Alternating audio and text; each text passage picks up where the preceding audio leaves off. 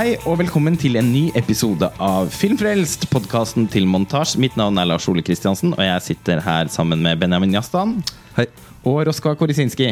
Hallo. Vi er fortsatt på plass i Cannes, og i denne episoden her så skal vi snakke om en bemerkelsesverdig, endog sensasjonell debutfilm signert Hafsia Hersi. En skuespillerinne mange forbinder med Abdelatif Keshish sine filmer. Hun spiller jo da en av to hovedroller i den, det som ble hans internasjonale gjennombrudd, Couscous, eller La Granella Moulet. Eh, og eh, hun spiller også en eh, ja, i alle fall en markant rolle i Mektob, My Love Canto Uno, som hadde premiere i Venezia for et par år siden.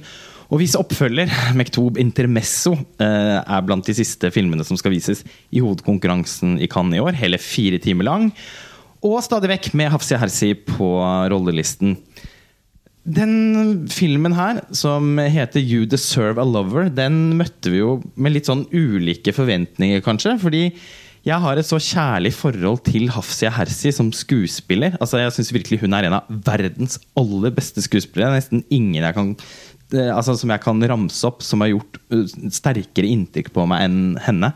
Og eh, straks jeg så at hun hadde regissert en, en langfilm som skulle vises i Cannes, så rykket den ganske høyt opp på prioriteringslisten, på tross av at den ikke er med i noe konkurranseprogram. Eh, da, under visningen jeg var på, så, var det, så holdt eh, lederen for Kritikeruken en introduksjon. Etter hvert sammen med en gråtkval Tafsi Hersi, som var så innmari rørt over å få lov til å vise debutfilmen sin. Eh, det var, det var, veldig rørende å sitte i salen nå. Jeg begynte nesten å gråte før filmen var i gang. Eh, men eh, sånn som jeg fikk inntrykk Det jeg fikk inntrykk av, var at Kritikeruken består jo da av syv filmer som enten er første- eller andregangsfilmer. Og at de syv filmene allerede var valgt ut idet Hafsia Hersi sendte lederen for Kritikeruken en tekstmelding og fortalte at Eh, ja, forresten, jeg har laget en spillefilm. Kunne det vært interessant for dere å se den? De uh, tok den imot med åpne armer. Elsket filmen. Og selv om de da ikke kunne innlemme den i konkurransen, så fant de plass til den eh, som en sånn såkalt sånn spesialvisning. Eh, den hadde da tre sånne spesialvisninger den ene dagen, og etter det så har det vel vært vanskelig, tror jeg, for folk å få sett den. Eh, det er jo en eh, film som umiddelbart skaper assosiasjoner til nettopp Abdelatif Keshish, og det er vi nødt til å snakke mer om. Men først eh, hvordan skal vi liksom på en måte presentere handlingen? Uh, handlingen er ganske enkel. Det åpner med at en uh, kvinne i begynnelsen av 30-åra uh, Spilt av Hafsi Hersi selv? Jepp eh, har blitt dumpet av kjæresten sin. Eh, og resten av filmen så følger vi henne egentlig i de ukene etter bruddet. Eh, hvor hun prøver å glemme, eh, hvor hun fester med vennene sine, hvor hun tester ut ting hun ikke har testet ut før. Drar på date. Har et slags håp om at det kanskje kan bli dem likevel bli kjent med noen nye mennesker som får en større betydning i livet hennes enn man kunne sett for seg på forhånd. Så det er en egentlig ganske sånn liten, hverdagslig fortelling eh, om å være ung og, og prøve å og på en måte få livet sitt på beina igjen når det ikke gikk som man hadde håpet eller tenkt eller prøvd på. Mm. Og filmen har jo da en realistisk eh, stil som er veldig sånn uanfektet. Eh, det er ingen sånne klisjéfylte realismegrep her som skal gjøre filmen hardere eller røffere enn den trenger å være. Den ser ut sånn som verden ser ut. Menneskene ser ut sånn som menneskene ser ut. Og all den tid foto er innmari vakkert, så er det ikke så er det ikke tilgjort poetisk. Eller, altså det, er, det, er innmari, sånn, det, er, som om kameraet egentlig ikke er der. Det er som om vi er innkapslet av filmen. Eh, så, som om man er i en simulator, nesten. Og bare kommer innmari tett på de menneskene. Og Da sender du jo selvfølgelig tankene til Keshish selv også, og det er jo vanskelig å ikke sammenligne. Det er jo til og med referanser til Keshish her. Eh, en slags små, små eh, homasjer. Mm. Ja, eh, jeg likte også filmen veldig godt. Eh, ikke like godt som deg spesielt, kanskje, Lars Ole, eh, som var veldig panegyrisk eh, etter å ha sett den. Eh, kanskje ble jeg også i noen grad ufrivillig vil sammenligne med Keshish, og ikke fordi da hun har vært, nødvendigvis kun vært skuespiller der, men formspråket har såpass mange likheter også. Men jeg syns til tider kanskje at den blir en light-versjon av det Keshish gjør så godt, noe som selvfølgelig vil måtte skje. Han er jo den beste i faget til å fremstille hva skal man si, utfoldelsen av affekt over lengre tid. Eh, også med at han har ekstremt lange scener. Eh, I Mektob, den første, eh, er det enkelte av scenene som er opptil 45 minutter lange. Eh, og Altså, da blir, ja, blir Herzi-filmen for meg noe av en litt altså lettvekter i forhold til hva et naturalistisk formspråk kan få til. Eh, den gjør det godt, men den mangler for meg kanskje det lille som gjør en type keshish eller pialade, som vi nevnte i forrige podkast, til når- så ekstraordinært altså, gode. retorisk spørsmål. Når så du sist en så godt spilt eh, film innenfor liksom, realismesegmentet? Piala, akkurat den. Det Ja, men altså en ny film. En ny, ny film? Ja, det er, det er, det er da keshish, det. Mm. Det går, lang, det går ganske lang tid mellom hver gang man eh, opplever en så liksom uslepen og eh, Altså, jeg, jeg, jeg syns dette- jeg syns den filmen er et lite mirakel. Fordi det er som den bare har sprunget opp av bakken. Mm. Det, jeg likte den også veldig godt. Altså, nå blir det veldig sånn ikke like godt som Lars Ole, men det, Det skal det skal også litt til. Eh, men jeg syns det er interessant fordi eh, vi så denne filmen for eh, halvannet døgn siden, og så har vi snakket med en del mennesker etterpå som også har sett den. Eh, og alle er liksom enige om at jo da, den var fin, men den var liksom ikke så mye mer enn det. Eh, og det tenker jeg at det er en sånn kritikk som er veldig lett å rette mot en sånn her type film, som er på mange måter en liten film for de, som du sier, Lars Ole. Den har ikke noe eh, prangende type mm, formspråk. Den har heller ikke eh, en spesielt liksom eh, interessant historie. Eh, og, men den er så elegant fordi den klarer å vise fram eh, et menneske uten å henfalle til eh, etablerte forestillinger om hva det vil si å, å, å være forelsket, eller hva det vil si å være i en vennekrets. Eller altså sånn, jeg føler at Det er så mange sementerte måter å portrettere det på på film, så man nesten glemmer at virkeligheten ikke ser sånn ut. Da, er, som i litteraturen også. At det finnes så mange liksom tilstivnede forventninger om hvordan man skal beskrive et ekteskap, f.eks., eller beskrive ensomhet. Så vi nesten glemmer å sjekke ok, men er det sånn vi faktisk opplever det. Er det sånn det faktisk føles? Og det jeg føler jeg at det er hovedkvaliteten ved denne filmen, som også er en av de virkelig øh, viktige kvalitetene ved f.eks. 'Blå er den varmeste fargen'. At, at jeg opplever at det er en sånn form for øh, kjærlig ro over filmen. Eh, det er ikke et sånn desperat forsøk på å uh, lage fiendebilder eller eh, skrive spennende karakterer som kan by på utfordringer for hovedpersonen, eller veldig liksom, dramatiske hendelser. Det er liksom, alt er veldig sånn smått og tilforlatelig eh, og musikalsk og, og mykt. da Eh, og vi hadde en liksom fin samtale i går fordi Kishish, som hun da åpenbart er veldig inspirert av, har blitt anklaget for å være en voyeurist, f.eks. For eksempel. eh, fordi hans blikk på særlig liksom, unge kvinner kan være ganske sånn Ha en sånn seksuell undertone, eller liksom sånn, være liksom sultent. da Altså De er sultne, men han er også sulten på dem. Eh, og denne filmen har interessant nok noe av det samme ved seg. Altså, den er mindre insisterende seksuell, men den er veldig sensuell. Og hun har instruert seg selv i hovedrollen. Eh, men, men hun har uh, f.eks. ikke på seg sminke på noe tidspunkt. Hun er veldig um, hun, hun minner oss på et eller annet vis om at det å være forelsket eller det å være veldig, veldig tiltrukket av noen, faktisk rommer en enorm skjønnhet. Da. At det er liksom noe av det uh, vakreste man som menneske kan oppleve. Både å se noen sånn og bli sett sånn. Mm.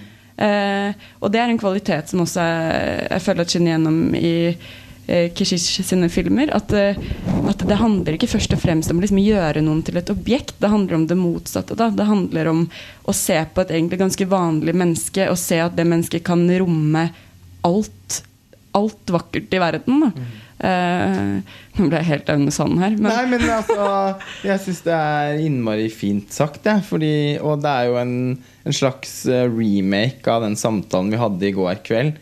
En av, det er sikkert den femte lange samtalen vi har hatt om den filmen. her mm. Fordi man blir ikke helt mett på å snakke om den.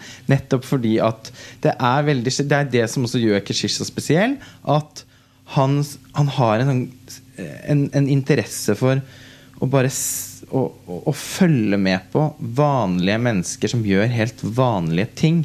Eh, og som ofte føler jeg blir misforstått som en slags sånn forfølgelse, omtrent, av skuespillerne. Av, det, eh, jeg leser det ikke sånn.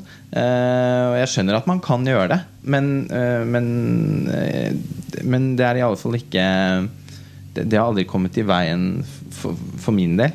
For, hva, for, det som åpenbart er liksom hans store kunstprosjekt. Eh, og jeg, til å være en, en sinas som er så opptatt av form og estetikk eh, som jeg er, så, så syns jeg jo det er litt sånn eh, Det viser seg på en måte etter hvert at det er liksom to ting som virkelig røsker tak i meg. Og det er nettopp en sånn ekstrem virtuositet i, i, i formspråk, i audiovisualitet. sånn Eh, som, og altså, ren altså, filmspråklig oppfinnsomhet eh, eller eleganse. Og så er det det bare helt sånn eh, porøst, levende eh, Helt nesten sånn ubearbeidede som jeg finner i, hos Keshish. Eh, og, og, selvfølgelig også hos noen andre filmskapere i varierende grad. Og nå hos Hafsia Hersi. Eh, den kjærligheten liksom til va menneskelig, vanlige menneskelige situasjoner i den filmen gjorde at jeg satt liksom med tåreskutte øyne i, i 1 time og 45 minutter omtrent. Altså, fordi eh, som vi også har snakket om eh, mens vi har drukket vin her nede, eh, så er det så innmari mange filmer som Filmer som filmskapere eh, og filmer man forbinder med autentisitet. da som veldig ofte Sånn som f.eks. Joachim Trier sine filmer, eller Olivier Assayas sine filmer, eller uh, Alex Ross Perry sine filmer, så er det uhyre godt skrevet dialog mellom mennesker som er intellektuelle, uh, og som er veldig uh, preget av et bestemt miljø, av noen veldig bestemte identitetsmarkører. Eh, på den andre siden har vi Dardem-brødrene Ken Loach, som vi allerede har laget en podkast om, som, som, med sin liksom, også liksom hardbarkede, forsøksvis ufiltrerte realisme eh, skildrer mennesker som gjerne er liksom eh, på den laveste Altså rangstigen, holdt jeg på å si, i, i, i samfunnet. Eh, mens det som er i midten, det, sånn helt, det man kan kalle for på en liksom bare helt vanlige folk, som har, som, som, som, jobb, som ikke nødvendigvis eh, har et selvrealiseringsprosjekt i jobben sin, f.eks., men som jobber for å tjene penger til å kunne leve et liv de syns eh, som, og, og, få seg de tingene de ønsker, eller reise dit de eh, har lyst til, eh, og som eh, Altså det opplever jeg nesten aldri at man får se filmer om. da eh, og, heller da ikke og nettopp blant filmskapere som, som etterstreber en autentisitet eh, på, på, et eh, så høyt Altså som, som er så eh, i, i, en sånn grad at, du, at, at filmen nesten blir usynlig. At, at, du bare dykker inn i den som var du ved et, et bord eller i en stue eller på en veranda. Og og, og, og, og, så gjør Og Keshish gjør dette. Altså han, han, er jo liksom Det er jo hans eh, det, det, har jo virkelig blitt en retning for han at han lager filmer, veldig sensuelle filmer, om nettopp de menneskene. Og, eh, og, Hafsia Hersi gjør det samme i You Deserve a Lover, og med en helt forstummende Altså med, altså med et talent som jeg, som jeg syns er så himmelropende åpenbart. Da. Det er en debutfilm det er snakk om. Det er mange filmskapere, ganske store filmskapere òg, som øh, jobber et helt liv og fortsatt ikke helt får til mange av de tingene hun gjør. Det er en film som rommer alt det vanskeligste. Skrive dialog som føles ut sånn som mennesker snakker. Eh, skuespillerinstruksjon da av seg selv. Eh, som, eh, som bare Altså Hun spiller så bra i den filmen at jeg blir helt satt ut. Altså Hun, hun er jo en altså Hafsia Hersi er jo helt utrolig. Altså Bare ansiktet hennes, måten, altså mimikken hennes. Det er jo noe ved henne som er veldig inntagende. Ja, absolutt. Det er det. Altså det hun er jo en, eh, et menneske med et ansikt som, som i seg selv er interessant. Mm. Eh, og så har eh, andre oppdaget det og skjønt å, å, benytte seg av det. Men så har hun også skjønt å benytte seg av det selv. Og det er ikke for å redusere henne til liksom bare et pent ansikt, for hun er som du sier en utrolig god skuespiller. Eh, men det å ha et ansikt som da Og vakkert eller ikke vakkert, altså det er helt åpenbart et veldig vakkert ansikt, men det er ikke hovedpoenget. det er det er alle nyansene i uttrykk. Det er en det sårbarhet. Ansiktet lever på. Ja, En sårbarhet og en røffhet. Liksom At det hele tiden veksler mellom sånn, egentlig tydelige ytterpunkter i et følelsesregister uten å overhodet føles karikert. Eh, det er sånn, hele tiden bitte små skiftninger som utgjør så store forskjeller. Da. Og det er liksom bare et ansikt det er veldig spennende å se på. Mm. Um, ja. ja. ja. Eh, det er interessant det du eh, nevnte med eh, de typer filmskaperne som tilstreber en autentisitet og fremstiller det gjennom ja, det du implisitt sier, at det er sosiologiske markører. da ofte. Herzi, altså Noe av det som jeg syns var imponerende med den filmen, her da, er at hun kanskje er endra, enda mer fordringsløs enn Keshish når det gjelder å fremstille eller bedrive eksposisjon av identitetsmarkører. Uh, Keshish er jo ofte en filmskaper som i filmene sine setter opp til å begynne med i filmen uh, relativt klare dikotomier. Han blår den varmeste fargen, til tross av at den primært overhodet ikke handler om det. Nei, men det er uh, tross alt det beste ja, eksempelet på ja, legge, legge, frem en relasjon da mellom en Det er klassediskusjon, klassediskusjon i den filmen. at det er et forhold mellom en som kommer fra en øvre middelklasse eller kulturell middelklasse, mm. og en med arbeiderklassebakgrunn. Eh, Koskos, som vi også nevnte, da åpner jo med å gi et riss av arbeidsledighet og vanskelige arbeidsvilkår. Sånn setter på en måte tonen for det. Og så er det som skal komme, eller det som kommer etterpå, er det forsøket på å rive ned enhver reduktiv forståelse av mennesket innenfor de rammene, eller innenfor de eh, fortolkningshorisontene, kan man si. Eh, som man gjør da gjennom sensualitet, blikk, gester, mimikk, lange samtaler, og nettopp da et enormt komplisert eller nyansert følelsesregister, eller hvordan han lar det, lar det spille ut. Eh, her er enda mindre interessert enn Keshish i å etablere det hun senere skal rive ned. Og det er en slags fordringsløshet eller et fravær av krav til menneskene på skjermen, mm. som allerede er til stede fra første stund. Eh, som hun nesten ikke føler at hun er nødt til å leve opp til å gi et bilde av før hun kan bryte ned bildene deretter. Mm. Og Det, det syns jeg er ganske imponerende, for det vitner også om en veldig modighet. Eh, modighet, det er jo egentlig ikke et ord. Eh, vitner om et veldig Stort mot. Stort mot. Eh, at hun ikke føler at hun er nødt til å bekjenne sine synder før hun kan fortelle den historien hun egentlig vil fortelle. Det lot jeg meg også i stor grad uh, imponere over. Selv om jeg trenger kanskje egentlig å føye til det, ikke er like uh, overbegeistra. Jeg syns det er veldig godt sett og beskrevet. Uh, og vi har jo hatt en sånn slags humor på at eh, 70% av filmene vi har sett her i Cannes i år, handler om eh, arbeidsledighet og mm. dertilhørende problematikk. Mm. Og det er jo eh, viktig og bra, det. Eh, og så er spørsmålet om man lager gode filmer eller ikke. Noen gjør det, andre gjør det ikke. Men, men jeg er helt enig Benjamin, i at det er et eller annet eh, Altså Når folk stem, stempler denne filmen som litt sånn ja, eh, hva skal vi si, ubetydelig, da, eller ikke så viktig. Ja, men det fordi- opplever jeg at nesten alle altså, Ja. Jeg har jo da eh, sørget Jeg har jo da eh, med veldig store bokstaver eh, både på sosiale medier og for alle jeg har møtt her nede Streket ut. eh, ikke sant? ropt ut om hvor fantastisk denne filmen er, og hvor viktig det er å se den. Og det har jo også gjort at veldig mange har prioritert den, og det er jeg glad for. Men eh, responsen har stort sett vært veldig sånn Ja, altså, jo, den var fin, den, men ja, og jo, hun, hun spiller godt. Spiller godt! Altså, jeg blir helt, Det er den beste rolleprestasjonen jeg har sett på kjempelenge! Det er jo helt å, Det er jo helt innlysende, eh, på en måte, hvor bra det er. Det tenker jeg altså, Så relativt er det ikke. Det er ikke sånn at eh, eh, Ja, vi har sett mange filmer her nede, og det har vært inne, mange flotte rolleprestasjoner, og det har det jo også vært. Men hun er altså og, og aldri har jeg sett en regissør instruere seg selv så bra. På første forsøk. Enig. For å fullføre resonnementet mitt Ja, beklager. Ah, det, var det er vakkert, Lars Ole.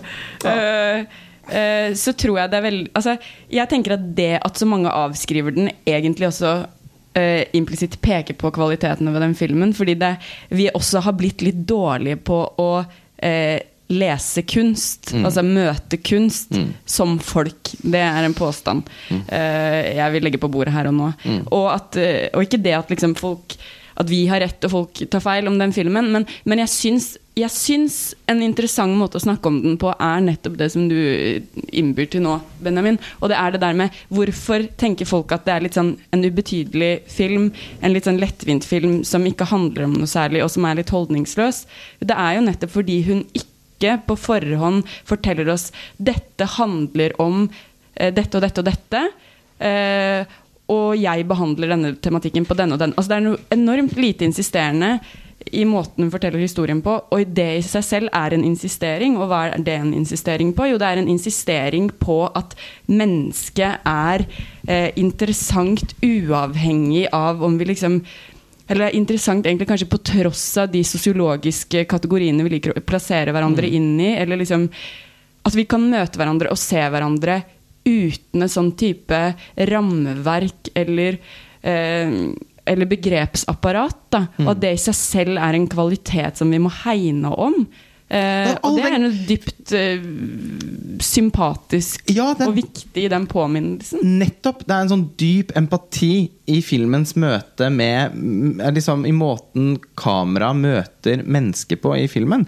Uh, hun er ikke interessert i sosiale eller kulturelle stereotyper. Som, eller stereotypier som vi ser i så mange også tilsvarende filmer. Da. Uh, og mange av de vi får lov til å stifte bekjentskap med, er også skikkelig fine folk.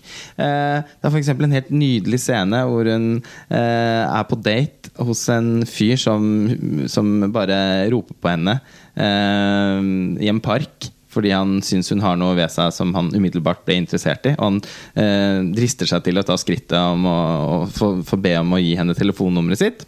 Og så skal han da i Keshish ånd eh, lage mat til henne.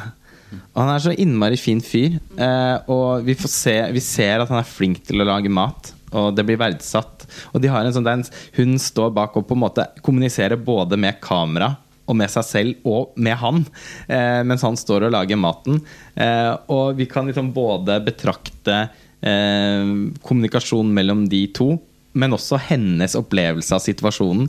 Og få en fornemmelse av hvilke tanker som går gjennom henne idet hun står der og tenker Ok, here we go again. Eh, hva er det jeg har kastet meg ut i nå? Men han er jo også en utrolig fin fyr. Vi får se hva det blir til med dette. Jeg gleder meg til å spise maten. Den ser god ut. Altså, sånn, og, og i likhet med Kishi, så er jo altså, mat er et motiv i filmen. Mennesker møtes gjennom mat. Eh, det er også mye rumper og mager og hofter og dans og bevegelse. Igjen noe man forbinder med Kishish. Eh, men eh, Og en i det hele tatt en eh, sånn interesse for vanlige menneskers atferd som blir eh, så, som, som, så jeg, jeg, jeg kan ikke helt gi noen god forklaring på hvorfor jeg blir så grepet av det heller. Men det handler nok mest om at det er noe jeg ikke ser. Er, og, og, som jeg, og som jeg vil se, som jeg ønsker at film skal kunne være. Men som bare nesten aldri skjer. Og jeg syns det er helt utrolig å få til de, disse, de uhyre, van, altså Det er så uhyre vanskelig å få til de tingene der, og hun gjør det på første forsøk. Eh, Keshish klarte ikke det, for å si det sånn. Hans eh, debutfilm er vesentlig svakere enn denne. Hun kunne fortelle at hun allerede har laget en ny film. Så hun blir nå en filmskaper. Og jeg tenker at jeg syns det er dypt urettferdig hvis verden ikke skal ta imot henne med å løfte henne fram med en gang. For det er så mange andre som blir løftet. Altså, noen ganger så lurer jeg på liksom, hva, hva, er årsaken til at den filmen av en debut sånn, en eh, debuterende kvinnelig filmregissør er i hovedkonkurransen, mens denne har en eller annen spesialvisning i Kritikeruken. Ikke at det gjør noe i seg selv, men jeg lurer ofte på hva som er årsaken til at noen eh, får et voldsomt spotlight kastet over seg med en gang, mens andre ikke blir altså, Det er nesten ikke skrevet om denne filmen. Jeg googlet litt i stad. Den har virkelig liksom gått helt under radaren der nede. Og er åpenbart for de aller fleste en, en, en fin, liten film som, som, som ikke gjør så inntrykk. Og må, det, altså, da må jo selvfølgelig alle lytterne også eh, huske på det. Da, at, at, at, jeg tross alt, og, og vi, Rosko, eh, og et par til vi, vi kjenner, er eh, kanskje blant de få som filmen har gjort så inntrykk på. Da, og at man derfor sikkert er nødt til å justere forventningene litt. Men at det er snakk om at verden har fått en ny, potensielt stor filmskaper, det mener jeg det ikke kan være noen tvil om. Mm. Det syns også det er viktig å løfte fram sånn avslutningsvis. Eh, både med Hersi her, da, som, som, gjør den debuten hun tross alt gjør, eh, og Åkershish, er at altså Uten å slå direkte politisk mynt på de filmene her, fordi de er ikke ute etter å si noe entydig politisk eller komme med en veldig klar politisk utsigelse. Men det ligger akkurat i altså Når du nevner at den, er, den har en så stor interesse for mennesker som spiser, f.eks., eller bare hvordan den fremstiller mennesker i sosiale, sosiale settinger, er at den er opptatt, eller begge de filmskaperne er opptatt av å se mennesker i fellesskap.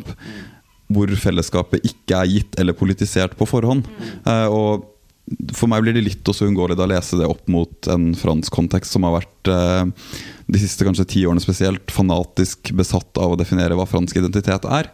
Eh, og på den, på den, ene siden så har du da høyrereaksjonære demagoger som er veldig opptatt av nasjonal identitet forankret i det etniske. Men du har også venstresidens annektering av identitet som identitetspolitikk. Og uten å gå altfor langt inn i det, så står jo Keshish og Herzi i motsats til begge deler. Mm. Altså Den er ikke opptatt av å fremstille et fellesskap som potensielt kan omdannes til praktisk politikk. Um, den er opptatt av å se en type eller innkapsle eller observere da, først og fremst en type løselig sammensatte fellesskap som nesten er adhoc. Altså de oppstår i konkrete hverdagslige situasjoner som å møtes for å spise. Mm. Eller for å gå et sted, eller for å resonnere, eller for å snakke om hva som har skjedd kvelden før. Og noe av den triumfen hos begge da, ligger i at de presterer å ikke løfte det opp på et høyere nivå, og, og derigjennom utsi noe helt vesentlig om fordi... at her befinner det seg tredjegenerasjonsinnvandrere fra Maghreb-regionen som sitter og snakker om ting som ikke har å gjøre med tvangsekteskap, for å sette det litt på spissen. Mm, mm, mm. Jeg blir så veldig glad for at det fins den type filmer. Som, ja, som, som, ikke hegner om det fellesskap. Er om, det, er nok, det er nok at de lager en middag det er nok at de ligger mm. oppå hverandre på en sofa eh, og kysser. Det er nok at mm. de eh, møtes på kafé eh, til en Tinder-date, og at det mm. er rart. Ja, og det, det fine der er også at, den, at hvis man skal bruke merkelappen politisk film, så her finnes en større polit, potensiell politisk sprengkraft i Keshish ja. enn i Ken Loach, som også lager fantastisk politisk film. Mm -hmm. Det blir jo en, en overordnet diskusjon som også har vært et sånt nav mens jeg har vært her hele tiden. Ja. Altså, I en tid der vi fortsatt er veldig opptatt av å snakke om eller å definere hva som er politisk brennbart eller effektivt. Hva er det som faktisk utgjør en radikal film i politisk forstand? Mm. For meg så er det sterkest i dag hos Keshish. Ja, men altså, det, det radikale i hans arv, da. I eh, nettopp en slags sånn mellomposisjon, da. Mm. Som, eh, og det er jo inngangen på en større diskusjon om mm. kulturen vår. Og, mm. Men en mellomposisjon som ikke, og diskusjonsklima akkurat nå. Ja. Som, det er en mellomposisjon som ikke er selvhevdende rundt at den er, er en mellomposisjon. Nettopp der mm. ligger, eh, ligger potensialet. Eh, mm. og, eh, og, jeg tenker også, når vi snakker om liksom eh, ja, hva som er politisk mest effektivt. Mm. Så er det også liksom det der med Ok, men skal vi lage et bilde av framtiden som vi kunne ønske at den så ut, eller skal vi peke på alt som er eh, problemer, sånn at vi skal bli minnet på hva som er problematisk? Og jeg tenker at begge de eh, standpunktene er ganske sånn problematiske. Eh, og denne filmen gjør ingen av delene. For den viser jo fram noe som er virkelig for veldig mange mennesker. Det er bare det at vi glemmer at det er virkelig. Fordi Mm. vi blir oppdratt til å tenke på samfunnet og på andre mennesker på en ganske sånn instrumentell måte. Mm. Og sånn, sånn funker det ikke, og det vet vi jo alle i våre egne liv. Men så blir vi liksom eh, jeg føler at fordi eh, den offentlige samtalen har blitt så politisert da, og så, eh, så preget av liksom dikotomi, Mm. Så, så er det liksom ikke lov på den samme måten å insistere på at eh, selv de som er annerledes og lever andre typer liv enn deg selv, lever også liv som ligner ditt. At det, liksom, det er noe arrogant i å Mm. påstå det. Mm. Og jeg tenker at denne filmen liksom, Jeg tror ikke engang nødvendigvis hun er bevisst på at det er det hun gjør, og det er liksom styrken ved filmen. Hun er ikke bevisst på at nå viser jeg fram Mm. hvordan det er for ja, tredjegenerasjons innvandrere som også har eh, hvite franske venner. Hun bare gjør det fordi det er hennes liv og hennes hverdag. Eh, og det tenker jeg også er et godt eksempel på når vi har debatter om liksom, burde det være flere eh, innvandrerbarn som skriver romaner. Eh, er det nok eh, god nok representasjon i kunsten? Og da er liksom, Min kjepphest er jo alltid det at du kan ikke be folk om å skrive om noe de ikke kjenner til. Du kan ikke si vi burde ha flere bøker som tematiserer eh, innvandring, eller vi burde ha flere norske romaner som handler om miljøkrisa sett fra en båtflyktningsperspektiv. Fordi det er en helt fucked up bestilling. Det er å bestille kunst som er utvendig, og som er basert på en dårlig samvittighet. Man trenger mennesker som kan skrive fra et kall det autentisk sted, da, eller fra et sted hvor, eh, hvor det å lage noe er et resultat at det faktisk springer ut av hvordan du selv opplever virkeligheten. Og det er jo Hertz et veldig godt eksempel på. Ja, og det er derfor har- filmen er så god. For Hun den, har laget en film om noe hun kan noe om, Ja. og alle, alle personer vi stifter bekjentskap med i den filmen, har en historie. Og vi kan se den historien i ansiktene deres, i måten de beveger seg på, i måten de forholder seg til sosiale situasjoner på. Hun er jo like likhet med Keshish veldig opptatt av liksom, den sosiale topografien omtrent, som oppstår i et rom hvor flere mennesker møtes. Ikke like virtuost og, eh, og halvtimeslangt ennå, men uh, igjen, uh, hun er så vidt i gang. Eh, og, og nettopp og, og, det, og det er akkurat som at det er på en måte eh, Det er mer legitimt da, på en måte etter å ha sett den også, jeg fikk jo også sett den Loach-filmen og ble dypt rørt. Jeg ble skikkelig lei meg av å se den filmen. Men det er på en måte mye mer, føles mer legitimt på en måte gi uttrykk for en enormt sterk emosjonell opplevelse i møte med den, enn i møte med denne lille, vanlige filmen til Hafsia Hersi. Og det er der jeg merker at, jeg, at, at det er noe som eh, lugger litt for meg, og som, og som jeg blir litt frustrert over. Eh, og som blir, er noe av årsaken til at jeg får lyst til å snakke den filmen sånn opp. Jeg skulle ønske vi hadde hatt mer tid nå til å kunne gå inn i enkeltscenene i filmen, for det er egentlig der på den måten at jeg kunne kjenne jeg forsøkte å forklare akkurat hva jeg syns er så så, så spesielt, men det skal jeg forsøke å skrive om i stedet. For nå er vi nødt til å runde her. Dere må hente billetter til Quentin Tarantinos eh, nye film. Den kan vi jo på ingen måte gå glipp av. Og billettene må hentes innen 50 minutter, så er vi nødt til å runde av. Takk for nå, Benjamin og Roskva. Takk. takk for nå. Ha det bra.